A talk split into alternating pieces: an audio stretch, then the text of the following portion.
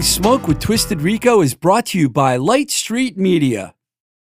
This podcast is supported by Joe's Albums. You know how much I love vinyl and go in the record stores. Well, my favorite stop these days is Joe's Albums. Joe has two fantastic locations the original store at 317 Main Street in Worcester, Massachusetts, and their newer stop out in the hipster college town of Northampton at 5 Market Street. Both stores have a great new releases section and a huge assortment of used records. You want to check out some cool record stores? Check out Joe's Albums in Worcester and Northampton, Massachusetts. And if you really want to geek out, go to joesalbums.com. We're also supported by Baby Loves Tacos, the fantastic Mexican style cuisine joint located at 4508 Liberty Avenue in the Bloomfield section of Pittsburgh, Pennsylvania. Check out the Baby Loves Tacos website at babylovestacospgh.com. Baby Loves Tacos, where everybody eats. I am really excited to talk to you about my new sponsor, Studio Float. There are so many of us creatives and podcasters who need a quiet home studio. Or maybe you're in a band that needs a soundproof rehearsal space so you can create whenever the mood strikes. For most of us creatives, noise control is a big issue. Studio Float is the simple solution. Studio Float makes inexpensive, high performance, patented sound isolating products called ISO for use in new or retrofit applications.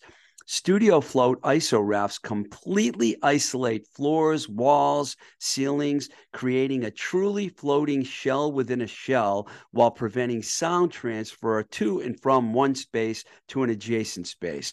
Visit studio float.com for details and assistance with designing your project. Use the code Blowing Smoke 10 in the online order form, and you'll get 10% off your order. Studio Float, life is loud, float above the noise. That's studio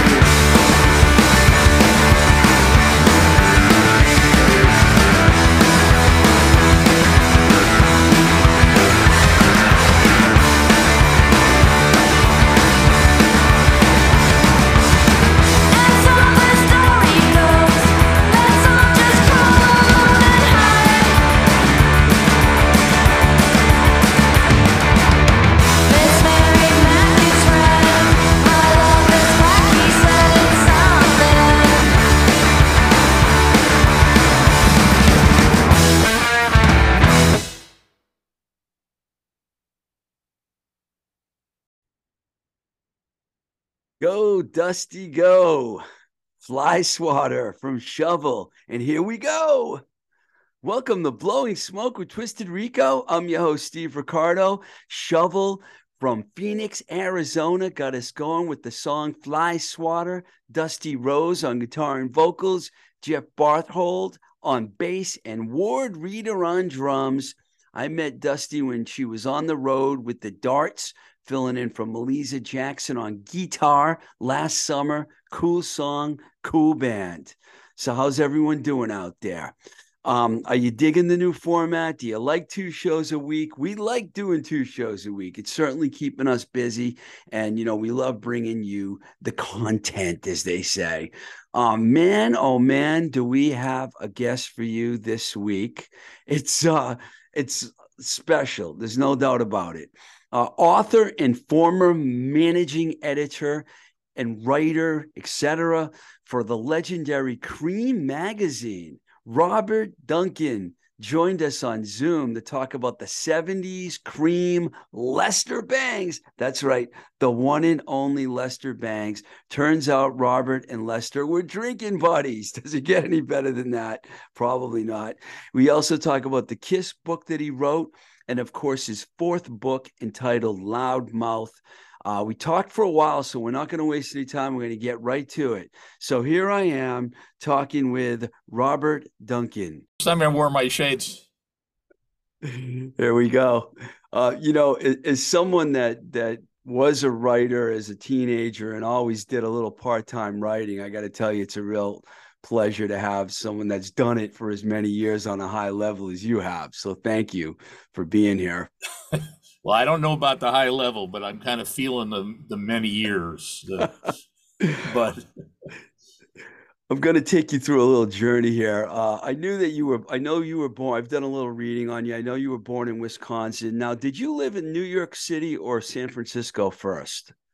I lived in uh, New York City first. I grew. I was born in Sheboygan, Wisconsin, of all places. Lived around the Midwest until fourth grade, and then uh, my family moved to uh, to New York. So when I was in fourth grade, I started fourth grade in New York, whatever age that is. Was it right in New York City? Yeah, Manhattan, New York. Yeah. Oh, that's a good way to grow up. Yeah. I'm from Boston, but I lived in New York uh, twice. Well, I was horrified when I we moved from way out in the country in Minnesota. So I our our our path had led us through Minnesota before right before New York, and uh, I was horrified. I'm like I was used to just going out riding. I would you know go out in the morning and not come back till evening. I just ride my bike all over the place, and and there weren't very many houses, and there was lakes, and there was you know swamps and all sorts of stuff that is interesting to a kid. And I'm like, I, I arrived in New York, and I'm like, well, wait a second, where am I supposed to play? And then and then you know but within a few months kids adjust. And and the kids had uh, had taught me the other kids had taught me that you can well you can pick up you can here take a branch off this tree and you can bend it in half and you can scoop up some dog shit and you can throw it at other kids Sounds like New York City. yeah, that, so that was oh okay, I get it. It's you know, so that you know, I enjoyed that. uh, so I learned, but it was I was horrified when I moved there. But but then I became the New York chauvinist, and uh, and uh, and the thought that I would end up in California was probably, which is where I am now, in the Bay Area, and uh, was was California that's a bunch of you know that's a bunch of airheads and you know I moved. I lived in LA for 14 years when I was working for labels and stuff, so I know what it's like going from the East Coast to the West Coast. It's a little bit of a change. Um, did you start listening to music at a long, young age? And when you when you did, what were you listening to? Well, I had a, I had an older half brother. He was uh, he was like 11 years older than me. So when I uh, something like that. So when I was, you know, I was in first and second grade, and and he was like this uh, hot rod gangster, and he was just he was a you know bad boy, kind of a rock and roll, uh, you know, archetype. Uh, wound up uh, getting sent to the uh, well, the, a judge offered him you can either go to jail for all the weapons that you had in the house, or or you can go to the go to the service. So you went to the Navy for four years, and they seem to have they beat it out of him. But uh, so he, I would occasionally, he didn't, he wasn't wild about fraternizing with the two younger half siblings, but he would occasionally be forced to to take us in his hot rod somewhere. And I remember hearing, uh, you know, hound dog coming out of the dashboard of his. Elvis. Yeah, of his. Uh, this is first run. This wasn't the oldie station. This is when Hound Dog was released, and I was, and and it's hard to imagine for people today that it was. It sounded shocking to me, you know, and it was scary. Uh, you know, you ain't nothing but a hound dog, and it was just something was scary about it. We were, and uh, but of course it was scary, which became fascinating, and so so I was exposed to early on to uh, in his hot rod to uh, to stuff like Elvis and uh, oh I don't know I used to hear the Everly Brothers and uh, you know and, and and and came to love it. And when I went back after I had heard Elvis, maybe a few times I don't know, but I went to we had uh, I went to a Catholic school and we went uh, I went, went to music class in the you know they they did music and you'd sing hymns and stuff in the music class with the nun. And um, so one day after i had heard elvis i started trying to kind of do elvis as as my that was my style of sim, hymn singing. And and uh and and rather than obviously it was you know, channeled through a seven or eight year old but um but and and the nun called my my parents and said didn't didn't complain. She said, "Oh, we think uh, Robert has perfect pitch uh, oh. because I oh. I was singing so well that day, but she didn't know I was imitating Elvis. So yeah, so very very young I was I was listening to that, and then and then I was you know I could tell you the the first two records I bought were. I'd love to hear that. You don't. I bought 45s, you know, because you didn't buy albums in, you know, 1963. Uh, 62, You Don't Own Me by Lesley Gore. And Ooh, good one. Which, which is an enduring classic. Yeah. And uh, Forget Him by Bobby Rydell which is less of a it's not really an enduring classic although i saw something the other day about how oh Bobby Rydell was this underappreciated great thing. I listening back to him, I think he seems a little little weak. But th- those are my Le- first two records. I love yeah. Lesley Gore. That's my favorite Lesley Gore song yeah. too. A lot of people oh, would say that. Great know? song, yeah. And um, then I got caught up in the in the British invasion, the Beatles and the British invasion and all that. Um, I imagine that you were in New York in the '70s when the whole punk scene started happening there. Yeah, I, well, I was. I was there for. I wasn't quite there for the beginning because I was in Detroit uh, working at Creem Magazine. Uh, so, oh, that's right. Yes. Yeah, and but I came about. Oh, I don't know. I came back to to New York in '76, and uh, and so, you know, I remember going down to um, CBGB's and seeing seeing this this new new-ish band and it was it was a trio and they were playing in the place uh, uh, and there was maybe maybe six or eight people in the place. Okay i have and, to stop you because you're going to ask answer my question before i ask you because i heard you with tom verlaine and you saw yeah talking heads. Right. And before they you know were a quartet they were they were still just uh you know uh, Tina and uh, you know drummer and uh, David. Uh, well, it's funny because you know I'm a huge Tom Verlaine fan. You know, to me, I think Marquee Moon is one of the greatest albums ever, and I was saddened by the loss of Verlaine. And when I heard yeah. that you hung out with him, I was going to ask you, did you actually spend a lot of time with Tom Verlaine? Oh, not at all. I I happened to be. I he happened to be one of the other six or eight people in in uh, and somebody maybe somebody introduced us we wound up sitting on a on a half wall or something somewhere. I remember sitting next to him and you know maybe we exchanged pleasantries or not. I was never sure if somebody would be um was going to be uh you know mad at me for something i'd written in Creem you know, so I, he ahead, wasn't like a talk he wasn't a big talk i don't think he was a big talkative guy you know. Uh, my wife who took photographs. well, yeah, a little bit, uh, a tiny little bit. Uh, but my wife, who who was good friends with Patti Smith, uh, she, and she was a photographer too, and uh, she took pictures of of uh, Verlaine and Patti. Great pictures of them backstage when when Patti was kind of cheating on uh, Allen Lanier from the Blue Oyster Cult, who was also a friend. So Interesting. I kind of jumped ahead of myself here and I went in the, in the wrong order. So I'm going to jump back. So you went to San Francisco after that. And that's when you met up with someone that got you involved with Creem. Can you tell that story? Well, I, I, you know, my, my, I guess I'm in emulation of my family. I moved around a lot when I was, when I was out of the house. And I, before I went to Detroit, I went to San Francisco. My big gangster brother had taken me there one time, and I thought, oh, this is just, this is so cool. And uh, so I went there.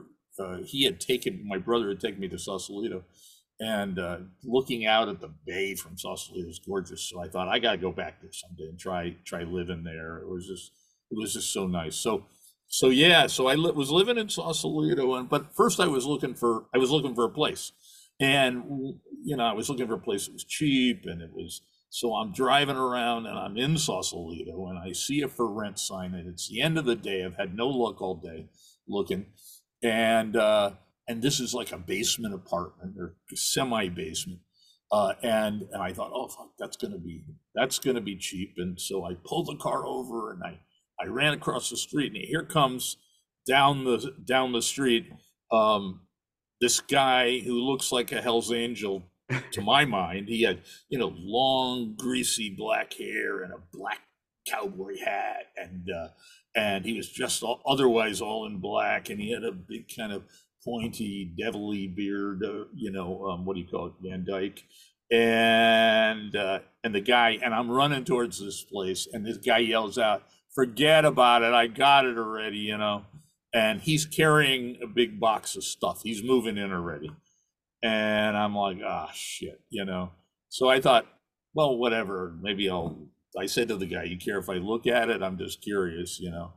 So he said, no, go ahead. But I got it. And he was just kind of nasty guy too. And so I, I went in the house and peeked around and he came in and put down the big box that he was carrying. And under the big box was a press pass. And, and I had, at this time, I, I had gotten a shitty job in, as like a paste up guy in publishing, a job that doesn't exist anymore. And, uh, but I was trying to get in. I had been in bands, and I thought, well, the only thing I knew was music. Thought I knew was music, and, and I thought that's what I'll write about. And uh, so I, uh, I said, to, so I was looking to get in, and I said to this guy, well, why, uh, you know, do you are you a writer? What you wearing a press pass? And he says, yeah. He says, you know, I write for Rolling Stone, and I'm the West Coast editor of Creem and I'm this, and I, he did, you know, had an endless list, you know, and he was maybe he was 26 at the time. He was older than me, but you know, I was like 21, and uh, or 20, I don't know, I was young, and uh, so, anyways, that was. It turned out he was Ed Ward, who was the original Nice. record review editor of uh, of of Rolling Stone and uh, you know in, in, later years he died just a couple years ago but he was the uh, rock historian on fresh air with terry gross and you know he, he was great at that by the way and uh, but he was a he was a, a really good writer and an amazing musicologist and and this guy so we got to be friends and he introduced me to a guy named john morthland who was also a great writer and and a musicologist. And we used to eat dinner all the time together because Ed liked to cook. He also didn't have a car, so he'd get me to drive him to the to the uh, grocery store, and uh, and he would cook for us. And then they were they had kind of these are slightly older guys, and they had taken it upon themselves to educate me about music. And they every after we finished eating and we're drinking our Guinnesses or whatever, he always had interesting stuff and smoking pot, they would then put on. Ed would often have a theme for the night and would say, "Okay, here's you come from New York City. Here's here's a bunch of songs about New York City or by artists from New York City or somehow connected with it. And, and that was like, you know, they played me like the uh, the Wild, the Innocent, and the East Street Shuffle, uh, Springsteen's second album, which is a, really great album. If you hadn't ever heard him before, that was a great album. And they played me. They they said, "Oh, you know that shit on the radio that the Eric Clapton, I shot the sheriff. Let's let, let we'll play you all these original reggae songs." And and they played me country stuff, and it was just it was like a graduate education in music. It was re- and it pointed out to me that I didn't know shit about music, e- even pop music at that time. So uh, these guys did a great job, and then they uh, and then Morthland uh, left to uh, he went to take an interim editor's job at uh, at Creem in Detroit. Uh, he never would take a full time. He would never take a permanent job. He would say, "Okay, I'll help you guys." They had they had gone through a bunch of editors, and they so they went back to. They asked John to come and hold down the fort for a while, and John needed a uh, like an editorial assistant, a copy boy as they were called, and uh, called me up and said, "Would would I like to do that?" And that was my introduction to Creem and and all that. Did you start doing that on the West Coast, or did you move right to Detroit? I had no, I had moved. I had again, I moved around a lot uh, when I, that that's part of the reason I, I fictionalized it all in my in my novel Loudmouth instead of making that a memoir. It was like, oh my god, keeping track of the moves is impossible. So I had moved back to New York, but I was living on my friend's couch, and and it was a really miserable situation. And and I had been back there a few months when when uh, Morthland called, a few months to know that I was I just had to take any job I could get. And so he called, and it was a you know a low paying job, but I was kind of low low maintenance at that point. So when you got to Detroit and you walked into that Creem office for the first time, that must have been. Uh, I saw the documentary, so I mean, yeah. I'm like, and I, I'm a big Creem fan. What was that like when you first walked in there? Well, the the great thing was that um, John Morthland and Lester Bangs picked me up at the airport, and it was it was uh, it was I knew John. I had never met Lester before, and I didn't really even know that much about him. You know, I knew I knew his byline from like Rolling Stone, but I wasn't. I was no Lester acolyte, and uh, they we got in Lester's you know funky Camaro and with Lester at the wheel, and we drove right from the airport. And you know, it was snow. It was it was very seemed very bleak. You know, and I was coming out of some bleak stuff, being so broke in New York. But uh, we drove straight to uh, uh, an Italian restaurant that was also a bar that we wound up going to almost every night, and it was called Pasquale's, and it was on um, Woodward Avenue famous Woodward Avenue out in the the burbs out in Birmingham, which was then just kind of a, a somewhat bohemian suburb and is now fancy, you know, Beverly Hills stuff. Uh, but we went right to Pasquale's, and it turned out, you know, those. I knew John liked to drink. I certainly liked to drink, and Lester liked it. So we would get got shit faced, and uh, and then they took me to the, the, the, Creem house where I was staying for the at least the first couple of weeks, and uh, and uh, set me up on the couch, and, and yeah. Uh, so my first impression was, you know, Party. I had a great, yeah, I had a great time. I got to get drunk with these guys, and and uh, and the next day, yeah, we I had to go to the uh, walk through the snow to the office. The office was walking distance, which was nice I, I, uh, read, I, I either read or heard somewhere that you used to go out drinking a lot with Lester Bangs. oh, we used, we used to go all the time. We became just we became just asshole buddies. We just were were out, you know, and uh, uh, yeah, we were very tight, and we went drinking all the time. And when you know, eventually, when I left, I uh, lured Lester east. Um, you know, I got to talk to you about him for a few minutes here because I am like a, a huge fan, and um, my friends know me as being a huge Creem and especially Lester fan. And I know you became a managing editor at the magazine. What was it like editing his work? Because I heard he used to write long stories that would have to be edited down. Did you, you had to do that? What was that like? Well, I got to do that for a while because I went from being copy boy to being managing editor. It was a really short amount of time. You know, I I, I had had a talent for writing, but I didn't really have any, much experience. I had not much professional experience. Um, but and that's because Lester had, to my observation, Lester had driven out. There was a couple of interim editors after John Morthland when I was there, interim editors of Creem, and but Lester would be just make their life so difficult, and I think that's that's why they left, and so it wound up. The uh, publisher Creem, Barry Kramer, said to me one night, "Say, oh, you want to ride home? Okay." And and they, I got in his big Lincoln Continental, which we all talked about all the time because he was the only one getting rich, and everybody was kind of Lester particularly was bitter about that. And uh, he said to me, "How would you like to be editor? You know, editor of the magazine?" I said, "Well." I said, here's my observation is that Lester has driven out every other editor. And Lester and I are very tight friends, but you got to give him the title of editor. And I said, let's create a new title, which, uh, by the way, I'm 21 years old. How did I know this stuff? Um, and I, I will create a new title, managing editor, and then Lester will have his prestige. But I can do the the the nuts and bolts work, and uh, and it really this setup worked. Lester didn't, you know, bridle at it at all.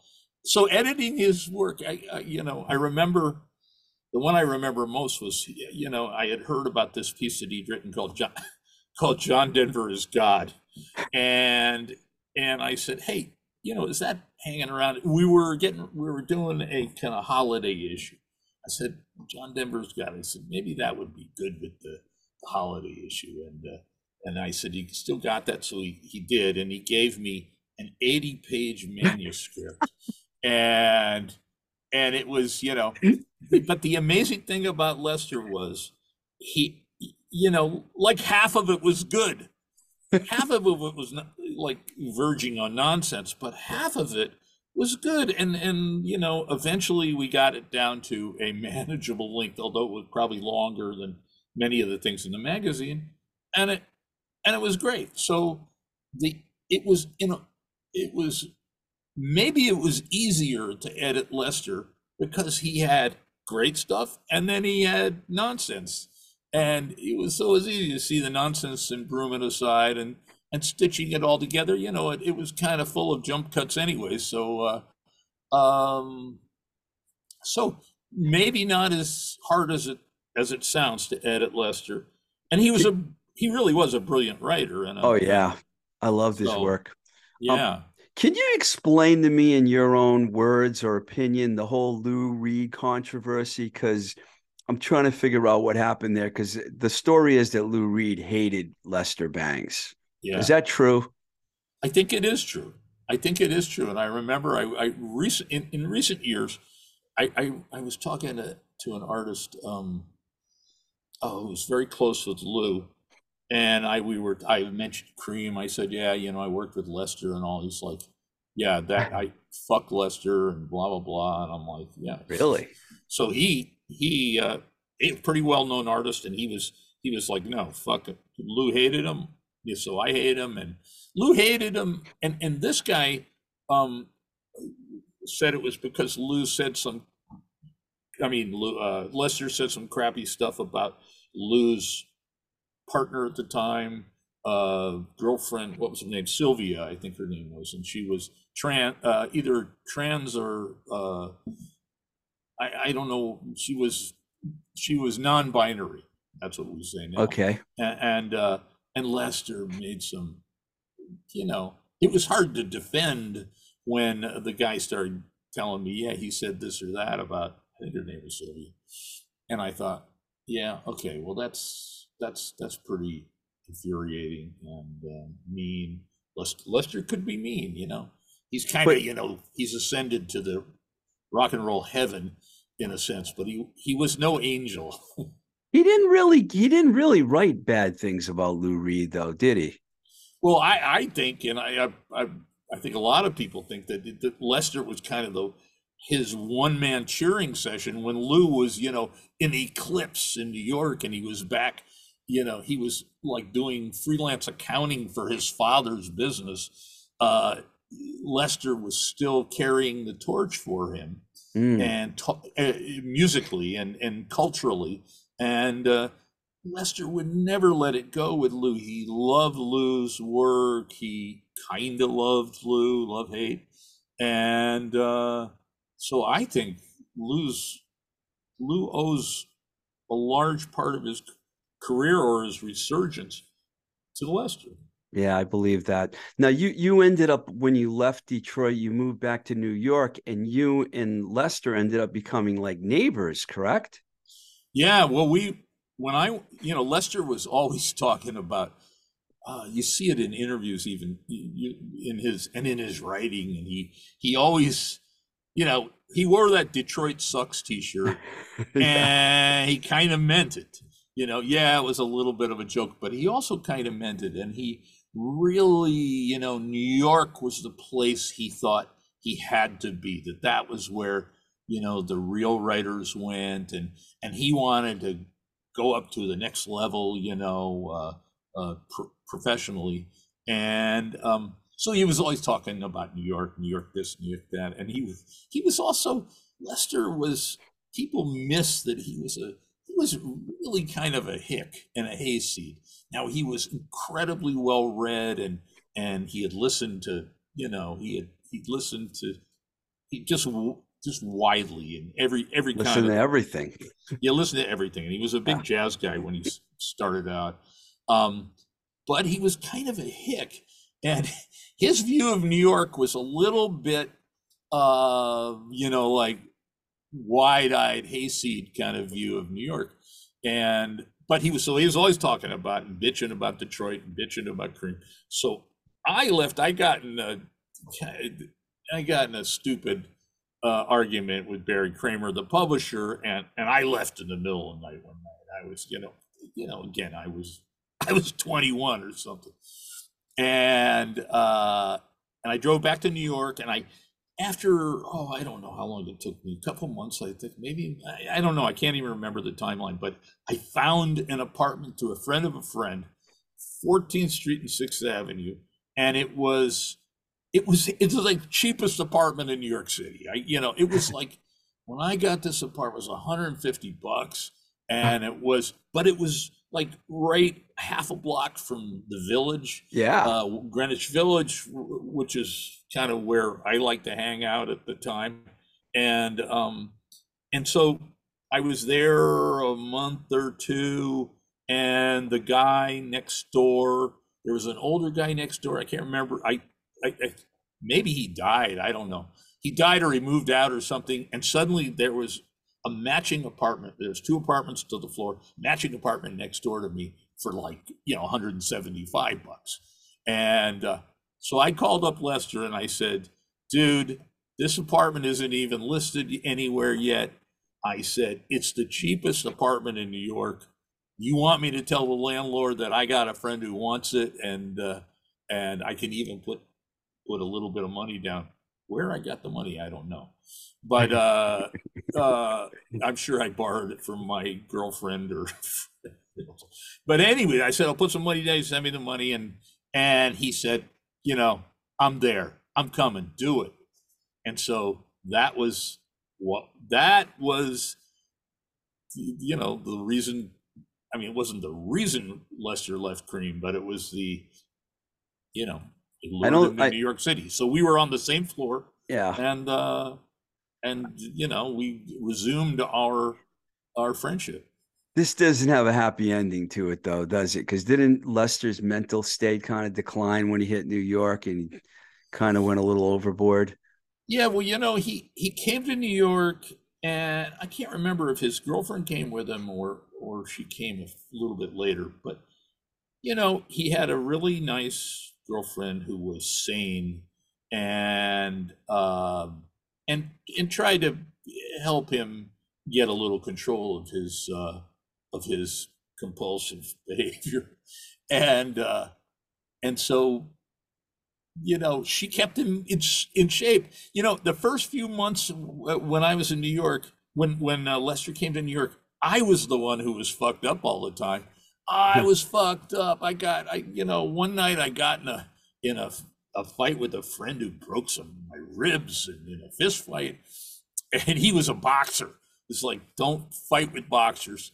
And Lester and Lester and his girlfriend found me in this the bar we used to all go to, the Bells of Hell in the village, and kind of carried me home and wow. and and put me in their bed. In fact, I woke up, you know, the next morning just in unimaginable pain, and and I looked over, and in the bed with me is Lester's girlfriend. I thought, oh fuck, what did I do? You know, but of course, on the other side of me was Lester. so wow. they had carried me on. They said they couldn't find my keys, or I couldn't find my keys, and so they had put me in the bed. So I was just a, a wreck. Uh, perhaps that was the low point, but uh, um, and but then Lester's, but then I found the girlfriend, and Lester's girlfriend left.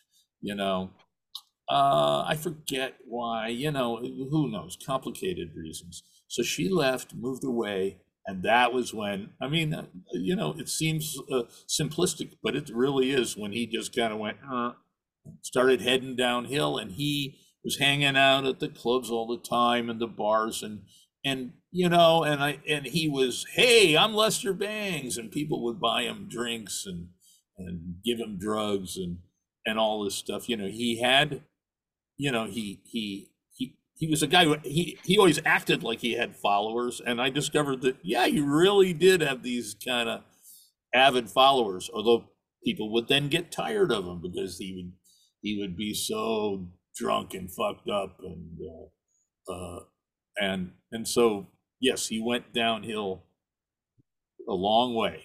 And That's... at some point, when we were good friends, close friends, and at some point, then we got in a fight, and uh, and uh, and I never, I never recovered from the feelings of goodness. And you know, he he had done a couple shitty things to me. I thought, but but so we didn't we didn't stay close. But well, we there was something. It was like we understood that we were friends, but we didn't hang out anymore. And it was no fun to hang out with him when he became yeah this horrible drunk, and uh, it was just no fun. One and last thing, stunk. He was okay. famous. He was famous for being very smelly, and, oh boy, and it was really it got really really bad. So if he came in your house, your house stunk like Lester for a few days, and it was it was so so nasty. I'm going to try to ignore part of this. Um, yeah, I'm going to ask you one last thing about Lester. But brilliant think, guy, brilliant yeah, guy. Do you think he was portrayed uh, well in the film Almost Famous? Because a lot of younger people had never heard of Lester Bangs before. In yeah. fact, I listened to a podcast that you were on a couple of years ago, and the guy that was interviewing you thought that Lester was a DJ in California. He didn't even know who he was, huh. and he first heard about him from Almost Famous. Do you think the film portrayed him? Did you see the film? Oh yeah, oh yeah. Was no, it a good portrayal? I thought Philip Seymour Hoffman was great as Lester. I mean, it was a little, you know, sanitized for mainstream use, but it, I thought Philip Seymour Hoffman was great, and and the, and the the writing of the character was roughly Lester. You know, he, it was a little, you know, it was a little. It was just a little sanitized. Yeah. Did you ever get to meet Cameron Crowe at all? Oh yes, I did. Uh, we, I hung out with Cameron one time. In fact, I saw him again when they were doing this uh, almost famous musical play. You know, they which just closed on Broadway or is about to close on Broadway. Uh, uh, I had, uh, I had,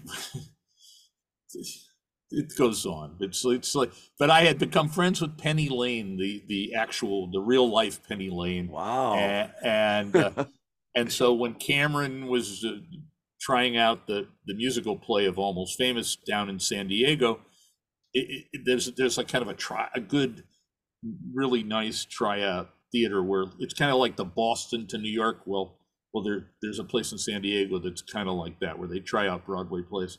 And so we went to the uh, the premiere of that down there with Penny Lane, my wife and I, and uh, nice. And Cameron Cameron was there, and uh, so I hadn't seen him in 30 years or something. But um, but the, I'll tell you that my story of Cameron is that he came to Creem one when he you know he wrote for Creem sometimes, and he came to Creem uh, one day and said, "Oh, I'm I'm traveling with this band, the Tubes, a brand new band, nice out of San Francisco, and they were doing their first tour."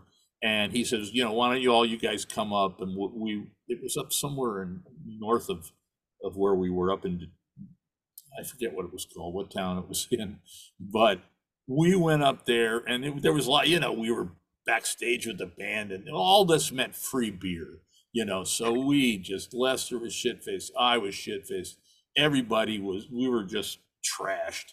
And uh and then Cameron said, so I got to know Cameron a little bit then.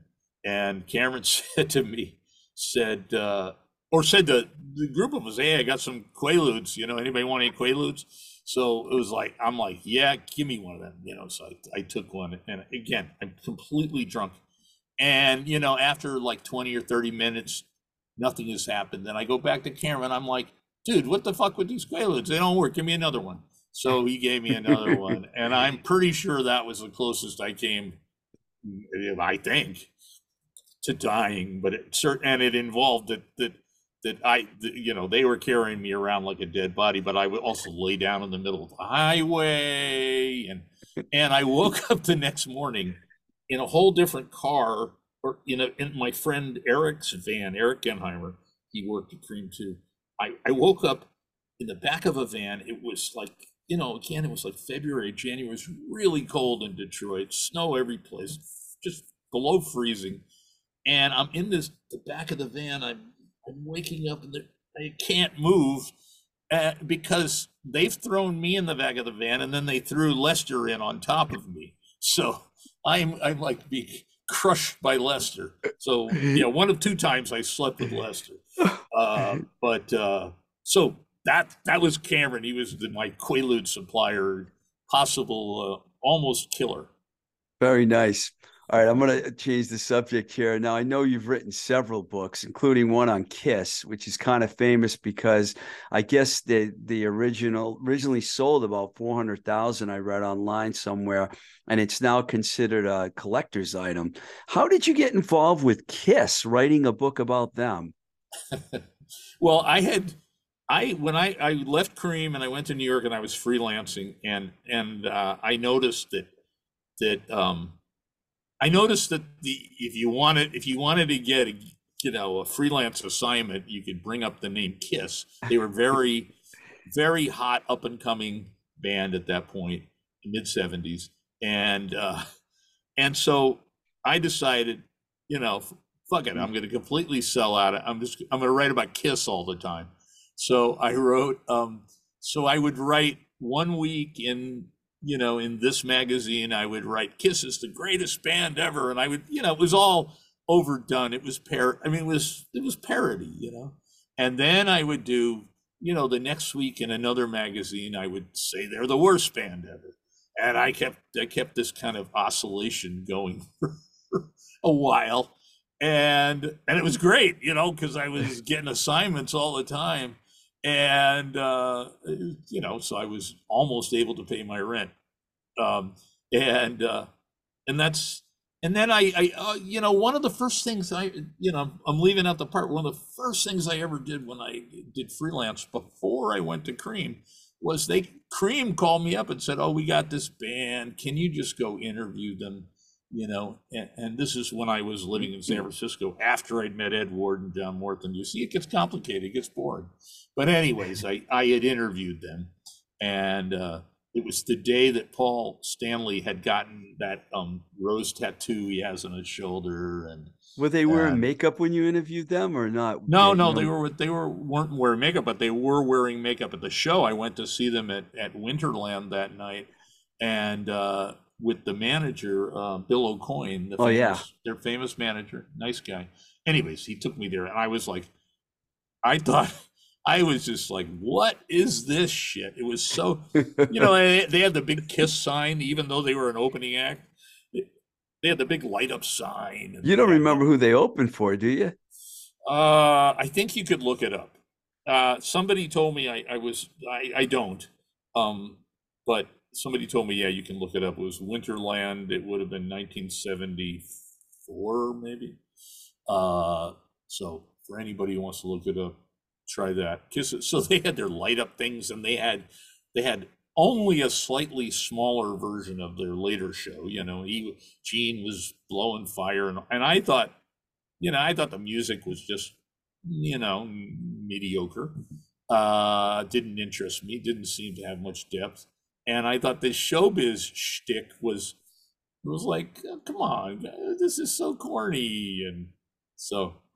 But you ended uh, up writing a book about them. Well, so so um, a guy named Richard Robinson who was married uh, to Lisa Robinson. Oh yeah, yeah, yeah. Richard Robinson was also was a writer for Creem sometimes and a producer. He produced Lou Reed's first solo album. Wow. The one with the the Fabergé egg on it. Um, the before uh, Walk on the Wild Side.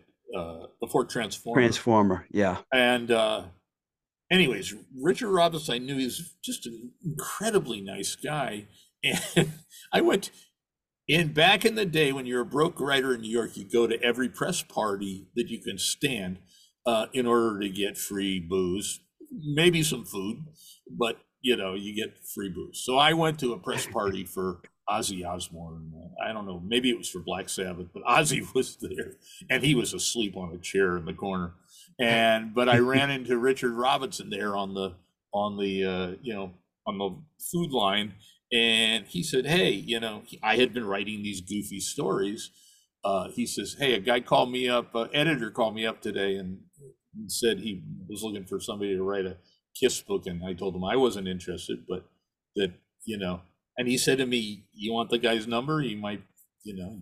So i did and i called the number and i was very bashful about writing a kiss book because i thought oh man i want to be a real writer. I don't want to be a, a hack that's writing uh, books about this band that i, I don't really uh, adore and uh, although they, you know, we were friendly, we got to be, I got to be friendly with with Gene in particular, Gene, because Gene kind of understood that I was goofing a lot of the time.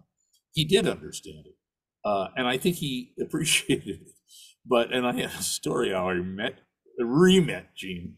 But anyways, so that was it. I called the editor, and the editor said, "Hey, you know, here you, you give you an advance and write the book, and it's got to be done in like three months."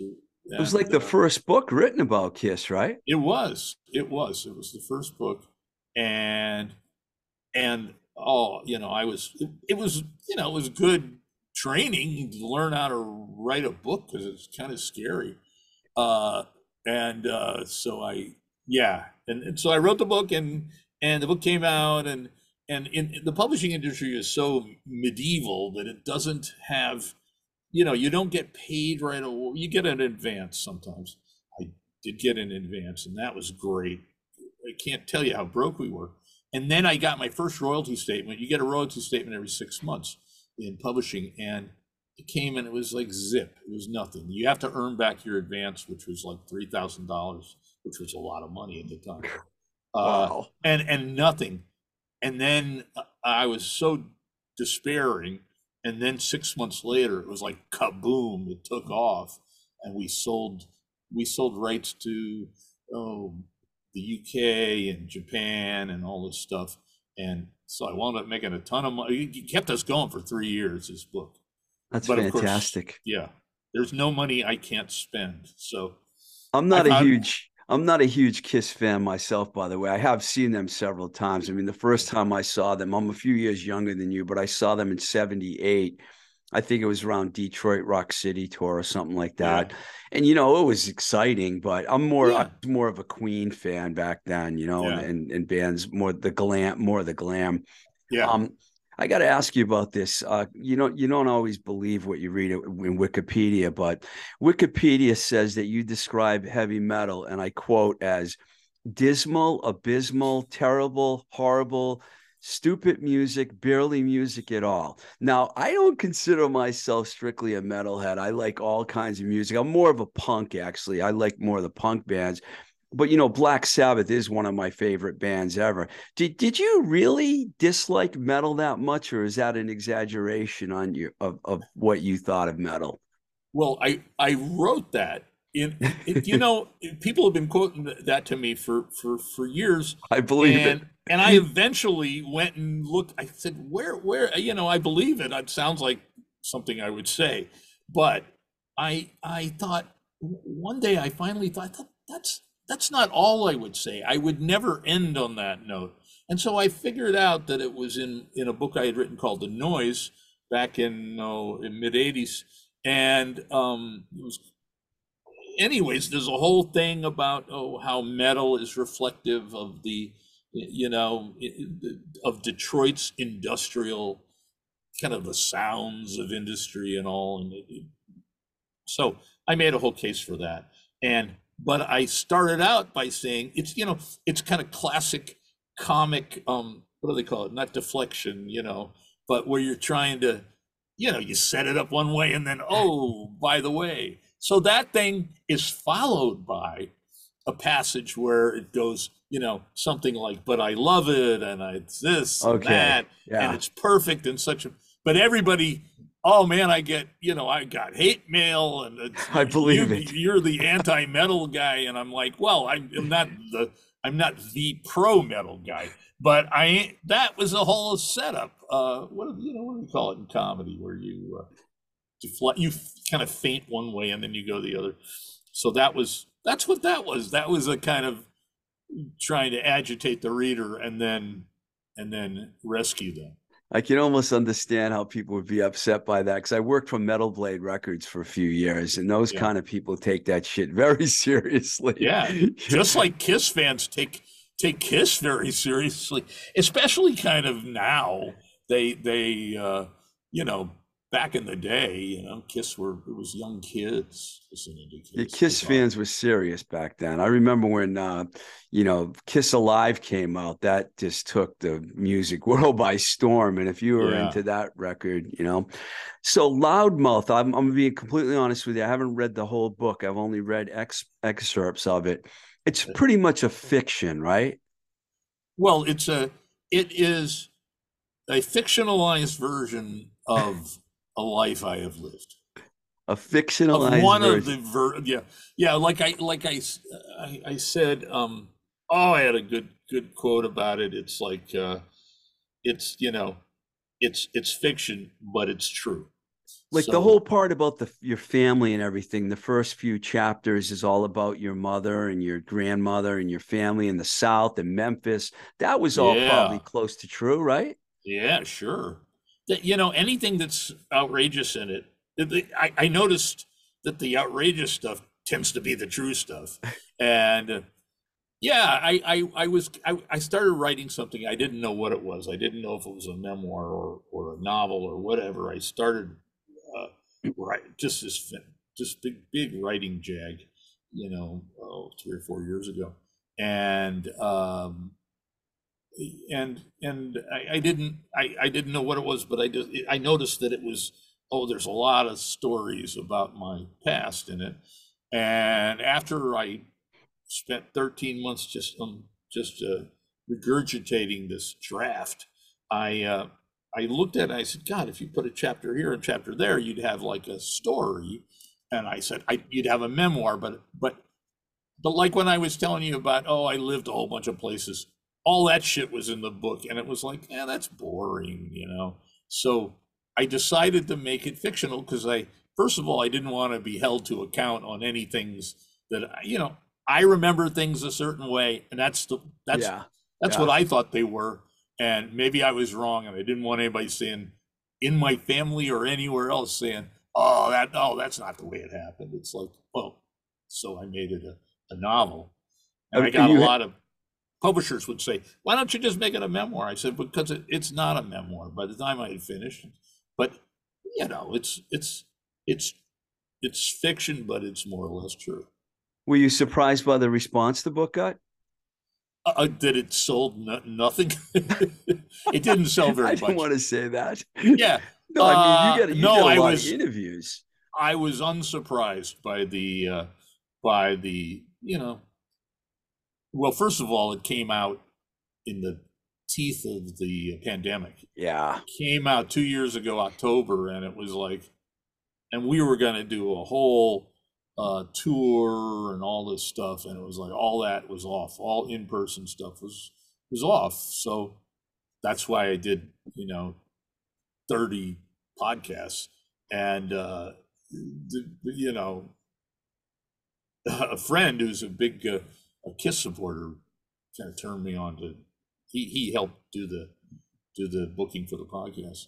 Uh, so no, I wasn't. I'm never surprised that books don't sell, you know. And and a you know a rock book, uh, you know. I'm hoping that uh, I'm hoping not not. I don't have high hopes, but I'm hoping that down the road, you know, somebody will discover it, which is what kind of things that happen. Goes, oh shit, this isn't bad and uh, you know i don't know if it's good or bad because I, I know there's good sentences in it and good stories but but writing a book is a really really hard thing I enjoyed what I've read. I'm I got have to read the whole book. I didn't I haven't had a chance to read the whole book, and I'm sorry to admit that, but oh no it's I, yeah i'm not sure i've read it all I wanted to be Uh, honest, you know. yeah Um, no, I want to ask you about the Creem documentary because I know you were involved in that as well. Were you Yeah. that that I saw and I loved. And what was your impression of it? oh i thought it was really good and i was really happy uh that somebody did it um because i used to tell people i'd say yeah this creem thing you know and in fact before i i heard that scott crawford had, was going to be doing he's the director was going to be doing it. I i had uh, been talking to somebody in detroit i said you know oh we i know we they had like a panel with creem people. And i said i said to this my friend in detroit i said we really I said, you know, I, I I'm not a movie director, but we really ought to figure out a way to do a creem movie because this is it, it's a, it would be a shame to let all this stuff, the stories and and uh, and and the meaning and the, the import of creem, uh, to let that just die. So I was really happy, and, and I got to be good friends, long distance friends with Scott Crawford, the director, and uh, He did Salad Days before uh, Creem, right? Right, Salad Yeah, Days which really was good. really good, and uh, he's working on something now. Um, oh, about the DOA guy, uh, Joe Joey Joey Shithead. Shithead, yeah. Yeah.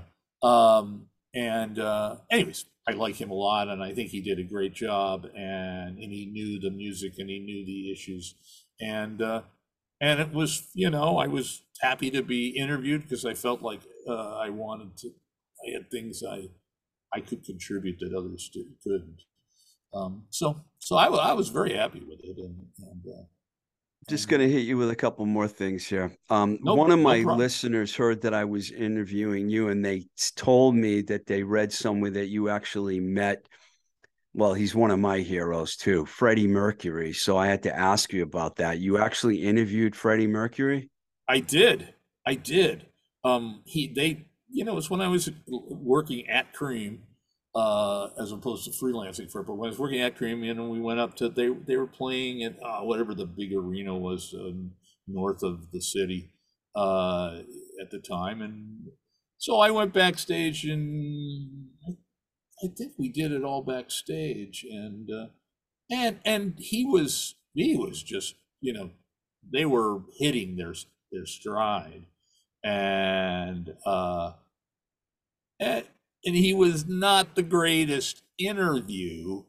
I think he was already you know kind of a little bit uh, you know gun shy of journalists and uh, and uh so you know and and i wasn't the biggest queen fan.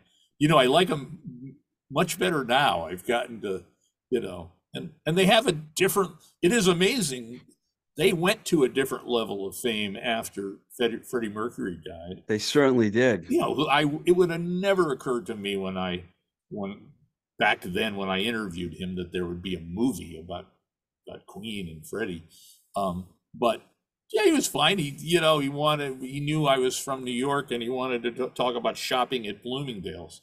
He was like, "Well, that's that's that's not. I don't really go shopping at Bloomingdale's, but, uh, but uh, yeah, we had a Uh, decent time, and it was a. I, but I, I, I feel like I probably, uh, I probably contributed to making it a dull interview. Were there, were, you know, was there anyone that you interviewed that would have to would stand out? Uh, Because I know your list is really long. Was there is there someone that really had an effect on you? Well, you know, the the, the person, uh, the you know, it it was kind of a breakthrough interview for me when I when I went on a part of a tour with Bruce Springsteen uh, back in the darkness at the edge of town, '78, I think it was, and uh, you know, i've talked about this a lot, but that was um, I really liked him. He's a great interview. You know, he was, uh, and he really, you know, was a a believer in the power of rock and roll and uh, and uh, you know seemed to be on a mission as not just musical mission. And uh, and he was great told great stories and, and he and I got just got along fabulously just really we were like we really hit it off and talked a lot as he likes to talk about about Catholic school where I went. And uh, so and then I went and wrote a story that that I thought, damn, this is this is one of my this may be my best story, and um, and I and I think it was because the subject was good and it was deep, and we went down to, you know, we went to New Orleans and we were and New Orleans is you know great background for any story. And, uh, and we, I, I went went out walking one day with Clarence Clemons in New Orleans, and and you know we got hassled by the New Orleans PD.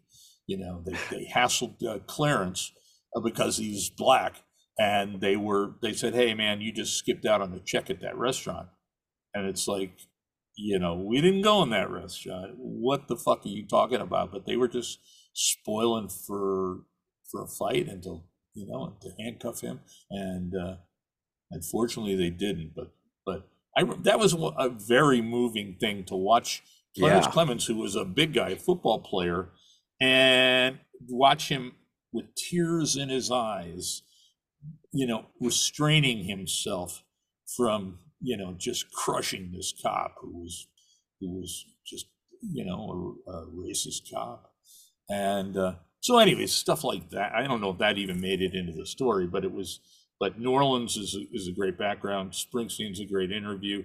Uh, you know, um, he had been you know off the road for a few years, so because of his management dispute, and uh, yeah, it was it was great, very flavorful. So I wrote this thing, and I went, and then I went to see him in in New York.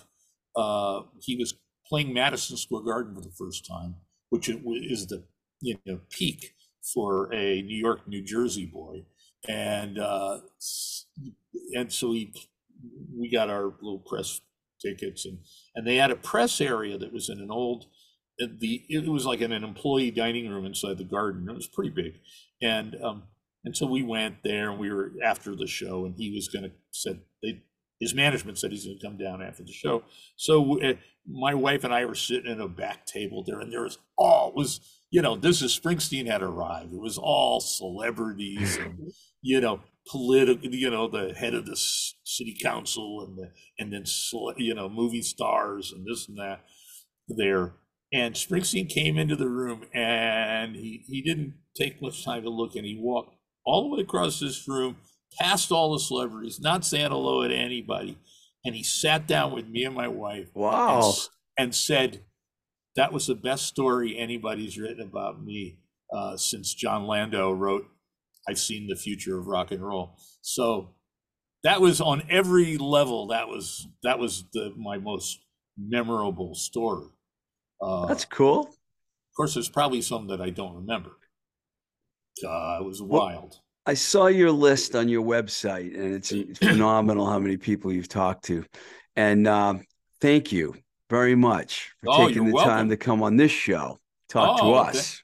thank you for for having me. And I hope you don't mind the barrage on Lester Bangs. I couldn't help that, oh, man. Hell no, no, that's what everybody wants to talk about. Yeah, it's fine. No, he was a he was important. You know, he was he was important, significant, and his his importance seems to have only grown. It has. Yeah. All right, Robert. Thanks a lot. Thanks so much for having me. My pleasure. Thank you.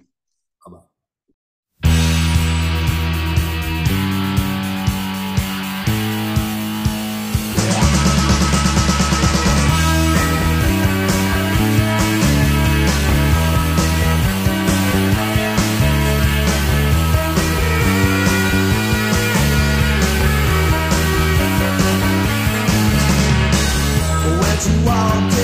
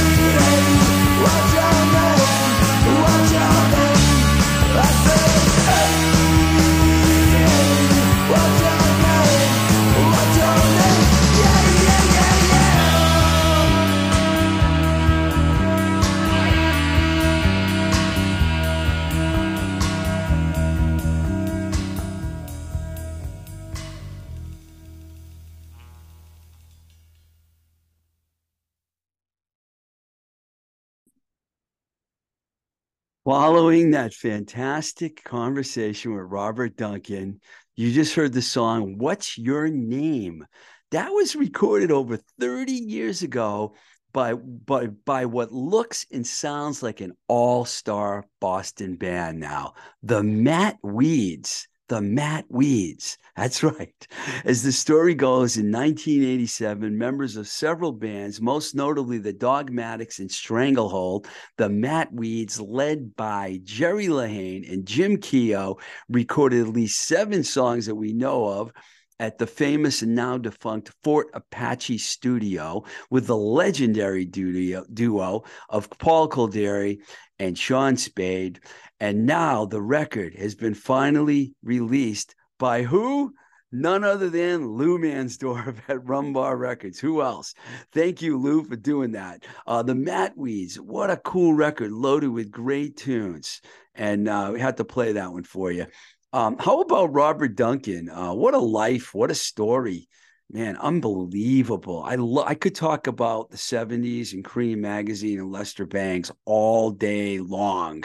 And there were so many other cool stories there too. It was just fantastic. Thank you very much, Robert, for coming on the show. I just want to remind you that we have a Patreon page. If you want to support this show, it's patreon.com forward slash twisted rico. And you can reach me by email at twistedrico at gmail.com. We're also available on all social media platforms. And I urge you to check out our YouTube page where you can actually watch the Zoom interview from this show that we did with Robert Duncan, a man that knows how to dress. Now, that should get you over to the video right there there. Sharp dressed man for sure. All right. Well, thanks again for listening and supporting this show. So, till the next time we say goodbye, this is Blowing Smoke with Twisted Rico. I'm your host, Steve Ricardo. Keep the rock and roll alive. Blowing Smoke with Twisted Rico is brought to you by Light Street Media.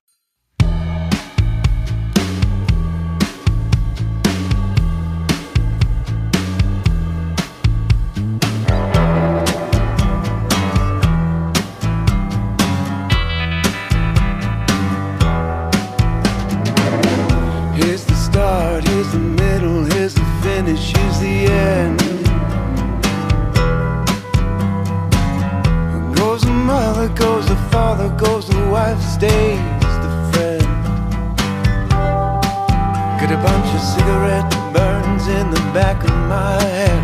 Bunch of cigarette burns in the words I've said. If I die tonight, hold the hand inside and know that I was never meant for no.